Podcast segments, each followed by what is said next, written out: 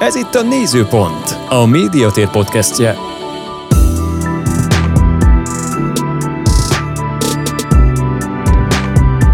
Köszöntök mindenkit a Nézőpontban, a műsorban, ahol igyekszünk mindenkit képbe helyezni az erdélyi valóságról. Nos, hát a világjárvány inflációt eredményezett, ez egy olyan gazdasági fogalom, amit szerintem nem kell senkinek elmagyarázni, hiszen mindenki a saját zsebén érzi a hatásait. Ilyenkor ugye az emberek keresik az értékálló befektetéseket, ilyenek lehetnek az ingatlanok, ilyenek lehetnek a nemesfémek, vagy újabban a kriptovaluták. A kriptovaluták világában segít nekünk eligazodni a mai műsorban Szőcs Endre közgazdász. Köszöntelek! Üdvözöllek én is, meg a kedves nézőket is.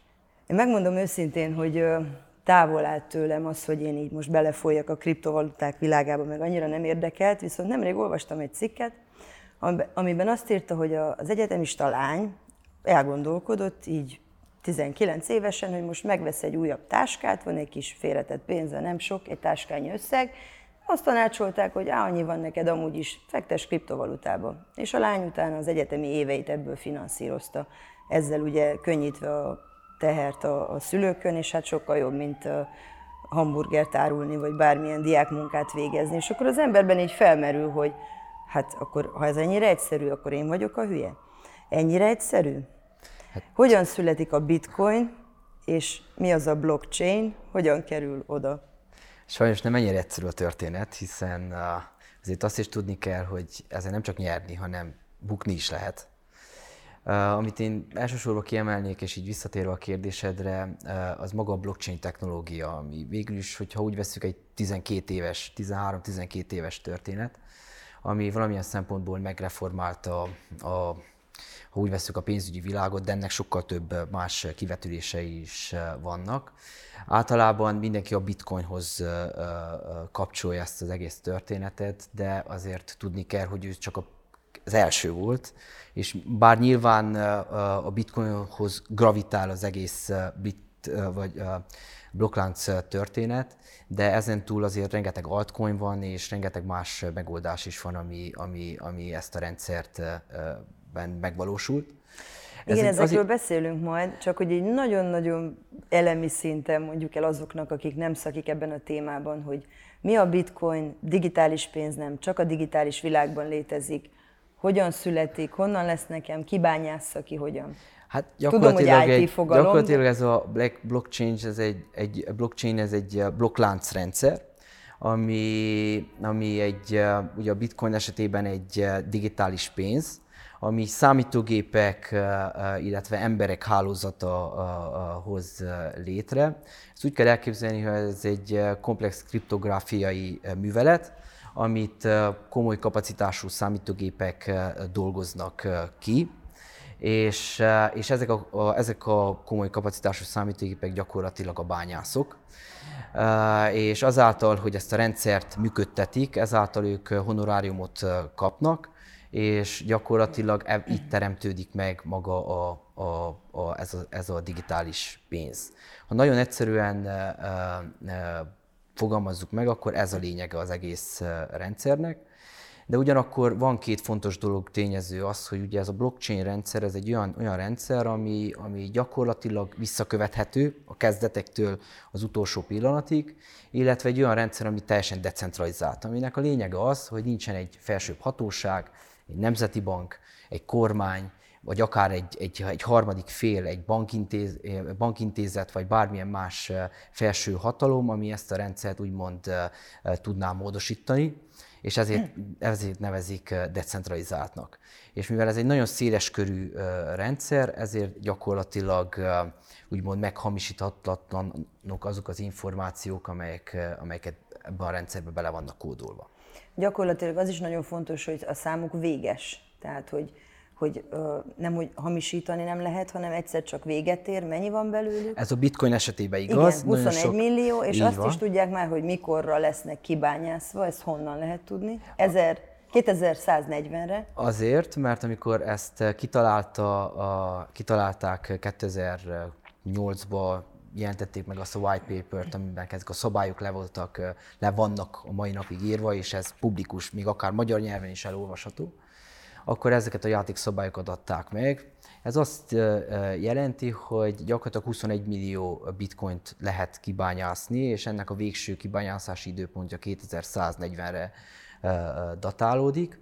Ez azért fontos, mert gyakorlatilag egy olyan pénzügyi piacot, olyan digitális pénzügyi piacot teremtett, ahol véges a maga a, a pénz vagy a digitális értéknek a száma, és ugye az alapvető mikroökonomiából azt már meg tanuljuk és tudjuk, hogy gyakorlatilag egy, egy tökéletesen működő piacon a kereslet és a kínálat szabályozza maga az árat. Ha a kínálat, azaz a bitcoinoknak a száma stabil, és, és, és véges, és nő, és emellett megjelenik egy folyamatosan növekvő kereslet, akkor nyilván az egekbe tudja tolni a, a maga a piaci értékét egy bitcoin esetében. Uh, igen, a bitcoin mellett megjelentek az altcoinok, hogy tudjuk, hogy ugye elmondtad, hogy ez 40%-a csak most a piacnak a bitcoin. Így van, tehát a bitcoin a, volt az első, és ebből kifolyólag a legismertebb is, mint a, és nagyon sokan a gyakorlatilag egyenlőjét tesznek a, a blockchain technológia, mint informatikai rendszer és a bitcoinnal, de ez önmagában nem igaz, hiszen emellett több mint tízezer más altcoin létezik. Az viszont igaz, hogy ő a piacvezető, tehát hogyha a Capital a mark, market nézzük a, a, a, az összes kriptovalutának, akkor kb. 40%-át csak a bitcoin jelenti. A második az Ethereum, ami egy második generációs blockchain technológia, ő kb. 20%, tehát önmagában a kettő az 60%-ot jelent, és a többi az, az osztozik azon a maradék 40, 40, 40 on Igen, tehát a, a, a bármi lehet érték, ugye régebb használtunk gyöngyöket, még a, az őskorban, bármi lehet érték, ebből az alapfeltevésből indul ki a, a kriptovaluták fogalma, bármi lehet érték, amiről többen azt gondolják, hogy érték. Hát most már egyre többen gondolják azt a kriptovalutákról, és emiatt nőtt az ára. Mondjuk is el, hogy esetleg a néző ugyanúgy, mint én, kellőképpen hülyén érezze magát. Mennyi volt tíz évvel ezelőtt az ára, és mennyi most? Én összeszedtem egy pár számot, tehát tíz évvel ezelőtt, amikor gyakorlatilag, hát 2009. január 3-án dobták úgymond piacra ezt, a, ezt az egész rendszert, akkor pár centeket ért a, a maga az egy, egy bitcoin. Viszont 2011-től egészen 2020-ig megnéztem azokat az értékeket, a minimál értékeket, mert ugye ez egy nagyon ingadozó Igen. Uh, uh, uh, skálán mozognak. 2011-ben 1 dollárt ért a, a legkisebb értéke, 2012-ben 4-et, majd 65-öt, 14-ben 200-at, 2015-ben 185-öt, 2016-ban 365-öt, 2017-ben 700-at, majd 18-ban 3200-at, 19-ben 3400-at, illetve 20-ban 6800 De hogyha azt vesszük, ezek a minimum értékek voltak, az itt kirajzolódik úgymond egy, egy, egy növekvő, növekvő tendencia, és nyilván az években is nagyon nagy eltérések vannak, hiszen ez egy nagyon fluktuáló piac, tehát az idejében volt 67 ezer dollár környékén is, meg aztán leesett egy 30 bitcoin. egy bitcoin. Tehát meg csak leesett... így elmondanám, mondanám, hogy ez körülbelül egy 150 Kolozsvár melletti településen egy lakás ára, két-három szobás, és akkor megvehetted tíz évvel ezelőtt egy centtel, többet is, és ennyi lenne most, hogyha Így lenne van, mondjuk. aki tíz évvel ezelőtt megvette volna, de viszont az is az igazság része, hogy míg március környékén 67 ezer dollárt surolta egy bitcoin értéke, addig pár hónapra rá visszaesett 30 ezerre.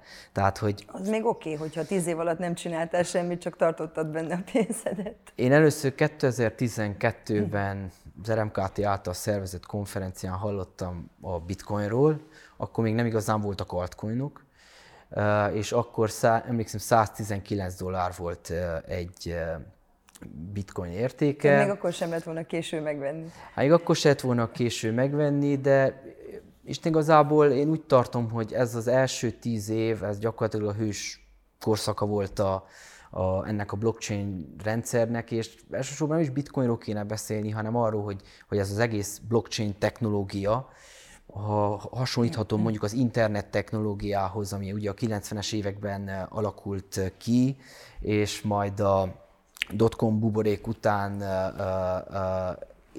dotcom buborékig érte meg a, a hős korszakát, utána vált mindennapivá, és gyakorlatilag most a mindennapi életünk része.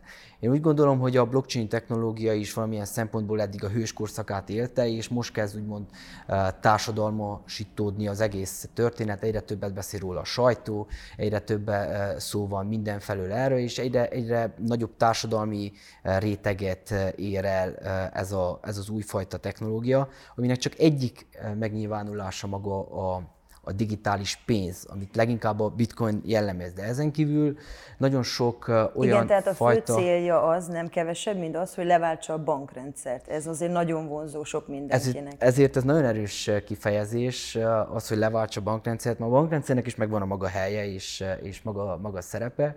Inkább azt mondanám, hogy például az Ethereum platform, ami ugye nem elsősorban egy digitális pénz hozott létre, hanem egy olyan informatikai platformot, ahol, ahol nagyon sok olyan applikációt, illetve smart kontraktot lehet létrehozni, ami által a kereskedést is akár peer-to-peer, tehát hogy két fél között egyenes ágon össze lehet kötni.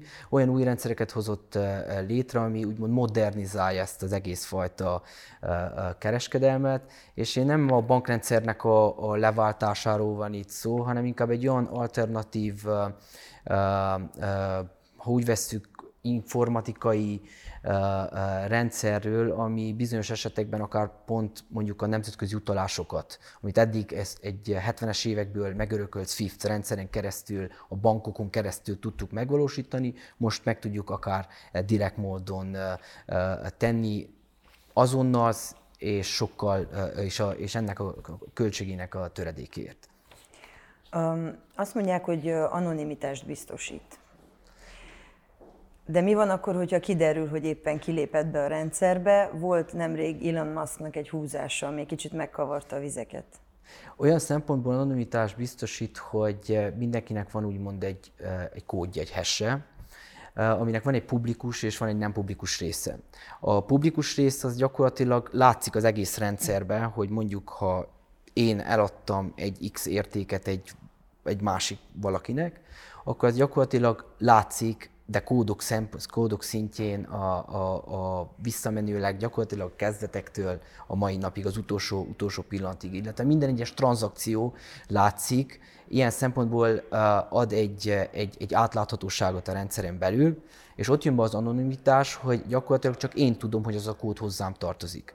Most nyilván, hogyha valaki a bitcoinban őrzött értékét át akarja váltani egy fiat valutává, ami gyakorlatilag olyan valutát jelent, ami, ami lejt, vagy éppen euró, vagy nem tudom én, hasonló fiat valutát, akkor, akkor gyakorlatilag azt át kell váltsa egy bankon keresztül, és ilyen szempontból már az anonimitás akkor, akkor eltűnik, hiszen egy, egy, egy bankszámlához azért egy, egy, egy fizikai identitás is társul. Igen, tehát ahogy, ahogy kiveszi a pénzét belőle.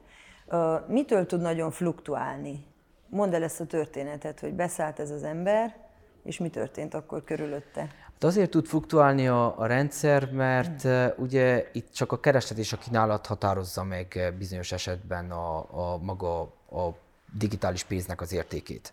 Igen, és, és ha valaki bepánikol, onnantól... Hát nem, valaki valakik. valaki, Tehát, sokan. hogy és ugye azért világosan látszik, hogy a rendszerben van egy magasfokú spekuláció. Tehát valaki csak azért szállnak be, hogy akár rövid távon, semmilyen fundamentális ellenzés nélkül haszonra tegyenek szert. Pont a múlt heti példa, hogy Zimbabwe bejelentette, hogy ő is úgymond a kriptovalutát, mármint a bitcoint elfogadja, mint hivatalos fizetési eszköz, és ez mint hogy El Salvador esetében is megtörtént, ilyenkor bepánikul a piac, és akkor gyakorlatilag mindenki elkezdi eladni a, a, azokat az eszközeiket, amelyekkel éppen rendelkezik, és ha mindenki elkezdi adni, akkor gyakorlatilag az azt jelenti, hogy lefen, le, letolja az árakat, minél inkább lejjebb az árakat, annál többen pánikulnak be, és, és ilyen szempontból ez jelenti azt, hogy van egy bizonyos magasfokú fluktuáció vagy volatilitás a rendszerben. Igen, vagy ha kitudódik, hogy egy nagyon fontos üzletember megint maszkra visszatérve belép, akkor mindenki körülötte akar csoportosulni, Hát nyilván, Majd hiszen Elon Musk és az ő digitális eszközeivel, vagy a maga köré felépített branden, brandjén keresztül azért szereti manipulálni a, a piacot, és ez egy olyan piac, ahol nincs egy, egy nemzeti bank, aki, aki be tud lépni, és mondjuk egy árfolyamesés meg tud valamilyen a monetáris eszközeivel akadályozni, hanem ez egy teljesen szabad piac, ahol nincs egy harmadik, nincs egy, nincs egy felügyelet, nincs egy, egy, egy harmadik fél, aki, aki ezeket, az eskü, e, ezeket az eséseket vagy növekedéseket tudja úgymond tompintani, és ilyen szempontból úgymond elszabadulhat a, a pokol, vagy éppen elszabadulhat az eufória, hogyha emelkedésről beszélünk. És az ő esetében a, a veszítettek nagyon sokan a végére a történetnek? Hát nyilván vannak rá statisztikák, hogy, hogy általában mivel, hogyha hasonlítjuk mondjuk a, a tőzsde, mert ezek, ezek a kriptovaluták is ilyen kriptotőzsdéken a, lehet adni, venni, de most már jelentős olyan eszközök vannak a rendelkezésükre, például a Revolut, amit egyre többen használnak, mint fintech eszköz, és azon keresztül is nagyon könnyedén másodpercek alatt úgymond lehet venni bármilyen, akár bitcoint vagy, vagy alt, altcoinokat. Viszont az egy statisztika, hogy általában az a parituszobá itt is érvényben van, hogy, hogy a 80, 80% azért hosszú távon veszít, és 20%-kal nyer. Úgyhogy én csak azt tudnám javasolni bárkinek, hogyha nyitottak arra, hogy mondjuk a kriptó világába belépjenek, azért előtte olvassanak, kicsit nézzenek utána a dolgoknak. Ezek az információk most már elérhetők szinte teljes egészében az internet világában, és ne fejetlenül szálljon be senki ebben, mert igaz, hogy hogy felvezetted a, a hölgy esetében is, vannak azért happy endek, de... Szerencsének nevezzük, vagy ösztönös ráérzésnek? Ugye mondjuk el, hogy az előbb hasonlítottad a 20% az még egy jó százalék, mert hallottam ugye, hogy a kaszinóban 42 embernek kell veszíteni ahhoz, hogy te nyerjél. Lehetsz te az az egyetlen, de 42 veszít azért, hogy te Én összeggel lépjél ki a kapun. Nem Tehát, hasonlítanám a szerencse játék világához, az egy külön történet, az, az nem véletlenül van úgy, a kaszinókban én soha nem próbáltam ki, de uh, uh, ott azért a rendszerek úgy vannak felépítve, hogy az Így 50-ből van. csak egy nyerjen mutatóba. Uh, itt azért, uh, azért ez egy szabad piac, tehát, és a szabad piacon uh, a, a szabad kereslet és a szabad, uh, a szabad kereslet ebben az esetben szabályozza az árakat. Uh, illetve azok az információk, ami úgymond bepánikoltatják a, a, a piacon résztvevőket, vagy éppen euforikus hangulatba uh, uh, teszik. És uh, ezért itt nagyon sok minden hozzá kötődik. Tehát ugye mondtunk két példát itt Zimbabwe vagy El Salvador kapcsán, de itt különböző kormányoknak az intézkedéseik, mennyire áll pozitívan hozzá mondjuk egy amerikai kormányzat, vagy egy orosz kormányzat. Teljesen pozitívan állnak hozzá. Tehát itt, itt ilyenfajta információk is úgymond elvihetik a, közösséget, akik ezek, ezekben a rendszerben benne vannak, a, a, ahhoz, hogy éppen eladjanak vagy vásároljanak, és ezáltal meg nagyon befolyásolják a, a mindig aktuális árakat. Mondjuk beszéljünk a jövőjéről. Ki, kikkel kell most versenybe szállni, mi a profilja a kriptovaluta vásárlónak, és hogy ez szerinted változhat-e a jövőben? Hát én szerintem ez elsősorban egy generációs történet Olvastam valahol, hogy hogyha profilozni kellene azt, aki mondjuk kriptovalutával foglalkozik, az egy uh, 30 év körüli férfi, komoly számítástechnikai ismeretekkel rendelkező egyén, illetve amerikai állampolgár. Ez az, ez az átlag profilja a, a, a, azoknak, akik, akik kriptovalutával foglalkoznak. És itt jön az én ellenpéldám, amivel kezdtem. A társadalom kb. 10%-a hallott róla, illetve valamilyen formában kapcsolatba, került kapcsolatba ezekkel a rendszerekkel, úgyhogy még itt egy komoly tartalék van a, a addig, amíg úgymond az egész rendszer akár nagyobb szintre, nagyobb társadalmi elfogadottságot kapna. De mondom, az fontos hangsúlyozni, hogy már a blockchain technológiáknak is különböző generációi vannak. A bitcoin volt az első generáció, ami gyakorlatilag csak egy digitális pénzként funkcionált és, és funkcionál a mai napig, de ezután megjelentek az Ethereum rendszere, ami ugye a második legnagyobb ilyen blockchain technológia, ami elsősorban okos szerződéseknek a megvalósítására hozták létre, nem azért, hogy, hogy csak egy digitális pénzként üzemeljen, de ugyanakkor megjelentek már a harmadik generációs blockchain technológiák is, akik olyan cégtűzéseket fogalmaztak meg, hogy megreformálják az internet működését, vagy kialakítsanak olyan defi rendszereket, decentralizált finance, tehát olyan decentralizált finanszírozási rendszereket, ahol sokkal olcsóbban, sokkal biztonságosabban megvalósulhassanak pénzügyi tranzakciók, de ugyanakkor ezt a rendszert még más területeken is alkalmazni lehet, mint a healthcare, ugye a, az egészségi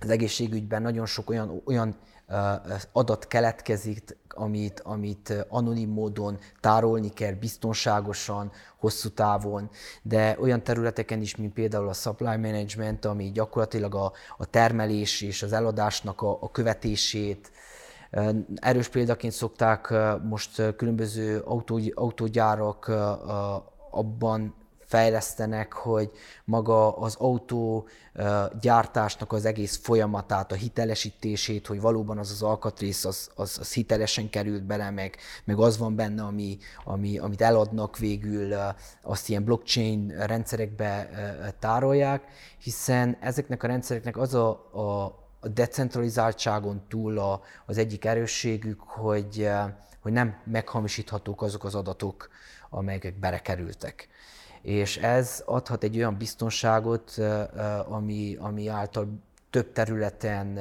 nagyon-nagyon fontos az, hogy, hogy ez megtörténjen.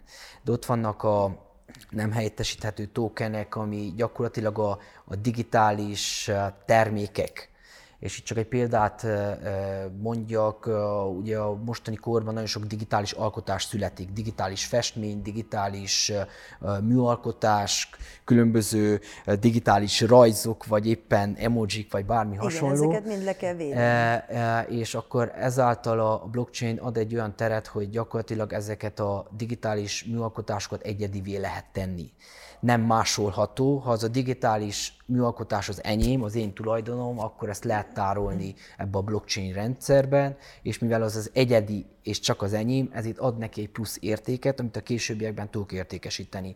Úgyhogy nem csak a digitális pénzekről van szó, hanem sokkal olyan más olyan területről is, ami akár megreformálhatja, vagy jobbá teheti a későbbiekben a, a, a gazdaság különböző területeit. Egyáltalán magának, a kriptovalutának és ennek a világnak a, a garancia mögötte, ha valaki garanciát akar, maga a digitalizáció, hogy afele Abszolút. haladunk, és költözünk át online felületekre, és ez a háttere neki. Abszolút, a digitalizáció, mint maga eszköz, az, az egyik értékadója ennek az egész rendszernek, és nyilván, hogyha a digitális pénzről beszélünk, akkor meg maga a, a pénznek azon funkciói, ami úgymond érték megtartó, eszköz is lehet, bár azért ez nehezen mondható el mondjuk mondjuk ilyen pillanatban a, a a bitcoinról, ahol nagyon-nagyon volatilis a... Én csak arra a... tudok gondolni, hogy ha most 10 ezer, 20 ezer, 30 ezer dollárnál tart, akkor is 10 év alatt a semmiből lett Hát most 48 ezernél tart, úgyhogy eh, éppen azt néztem meg hogy beszélgetésünk elején, hogy mennyi, és kíváncsi vagyok majd a végén mennyi lesz, hogy Aha. az alatt mennyit esett, bár most ugye egy medvepiac van, tehát esőben vannak ezek, a, tehát, ezek az árfolyamok. Tehát, hogyha valakinek van vásárolva, akkor, akkor ne nézze mondjuk reggel, délbe és este is, mert vérnyomás változással járhat. Mégis mit tanácsolsz annak, aki esetleg megnézi a műsort, és azt mondja, hogy kipróbálnám, van egy kis fölösleges pénzem. Az előbb mondtad, hogy információ, információ, utána nézni. Ösztönök, anélkül, hogy agyon csapnának utána, hogyha veszítettek, tehát, hogy úgy biztonságosan, hogy kell elindulni. Én tanácsokat nem szeretnék osztani, azt viszont elmondanám, hogy meglátásom szerint meg, amit még a az elmúlt időszakban különböző szakértőkkel több vitát, több beszélgetést Nagyon tartottunk ebben a, ebben, a, ebben a kérdésben közgazdászokkal. Mi úgy gondoljuk, hogy ez egy olyan technológia lehet, ami, ami hogyha metaforikusan ez lehet az új internet, mi a 90-es években volt a, a maga az internet, tehát ez egy olyan technológia lehet, ami meg, meghatározhatja a jövőben a gazdasági tevékenységünket, akár a mindennapjainkat is. Tehát érdemes vele foglalkozni. Ha valaki, uh, uh, hogy fogalmazik, a puding próbálja az evés, uh, ha valaki igazából uh, át akarja látni, érezni ezt az egész rendszert, akkor, akkor valamilyen szempontból be kell csatlakozni, akár úgy, hogy vesz egy nagyon pici összegre, de mindenképpen azt javasolnám, hogy, hogy csak egy olyan összeget kockáztassunk a kriptó vagy a blockchain technológiák oltárán, amit igazából nem sajnálunk. Lehet akár egy lejre is, vagy száz lejre is, vagy, vagy ezer lejre is venni különböző blockchain termékeket, és mindenki magának tudja eldönteni, hogy melyik az az összeg, ami, ami neki nem, nem fáj. Nagyon jó barátom, aki, aki szakértője ennek a témának, és nagyon sokat beszélgetünk vele ennek kapcsán, ő azt mondta, hogy ő nem jár kocsmába, úgyhogy ő hetente ebből legalább 50 lejt megsporol, hogy ő nem jár ilyen helyekre, és ő azt az összeget úgymond be tudja kockáztatni ezeken a, a a, a piacokon. Vagy ami... másik közgazdász barátod mondta, most nem nevezünk meg akkor embereket, mert ö, ö, nyoma van, tehát hogy a, a, a Kolozsvári Magyar Napokon volt ez a közgazdász, besz, a közgazdász társaság beszélgetése, ott is elhangzott, hogy ha szkeptikus vagy, ha nem vagy szkeptikus, ha nem vásároltál, a szekére elment.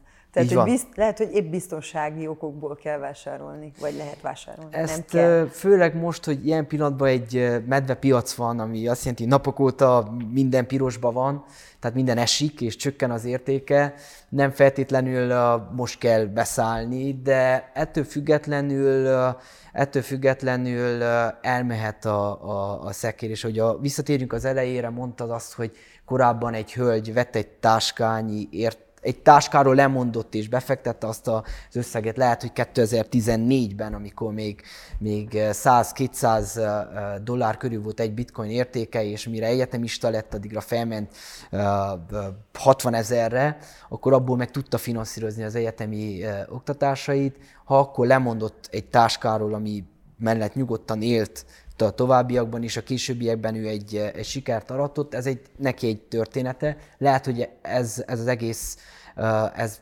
tovább fog emelkedni a jövőben is. De is lehet, hogy be fog, be fog szakadni. Én nem tudok semmilyen garanciát vállalni, és nem is szeretnék semmilyen javaslatot tenni. Viszont annyit azért elmondhatnék, hogy, vagy elmondanék, hogy azért közös álláspontja mindenkinek, hogy ez egy nagyon érdekes dolog, és, és azért már van egy 10 éves, 12 éves tapasztalat mögött, amiből azért nagyon sok információt le lehet szűrni, akár a működésre vonatkozóan, vagy akár az, hogy hogyan is viselkednek ezek a, ezek a különböző digitális pénzek, vagy mire jó, mire lehet használni maga a blockchain technológiát, amiből, amiből nem csak spekulatív módon lehet úgymond beszállni ebbe az egész történetbe, hanem akár egy kicsit fundamentálisan is, hogy utána olvasok, vagy utána nézel, hogy mondjuk mire jó az Ethereum, vagy mire jó a, Solana, vagy mire jó más altcoinok, ami, amiknek nem csak egy, egy, egy, egy digitális pénzértéke van, hanem, hanem komoly gazdasági küldetést is megfogalmaztak, amit ők meg szeretnének oldani, és ha ezt megoldják, és akkor úgymond ezt globálisan meg tudják oldani, akkor az értékük nyilvánvalóan csak fölfele mehet. Szőcs Endrének köszönjük, hogy elfogadta a műsorba a meghívást, a nézőknek pedig köszönjük a figyelmet. Hogyha tetszett a videó, akkor lájkolják és iratkozzanak fel a csatornára, hogy ne maradjanak le a további műsorokról sem. Viszlát, sziasztok! A Nézőpont podcastet hallották, ahol mindenkit képbe helyezünk az erdélyi valóságról.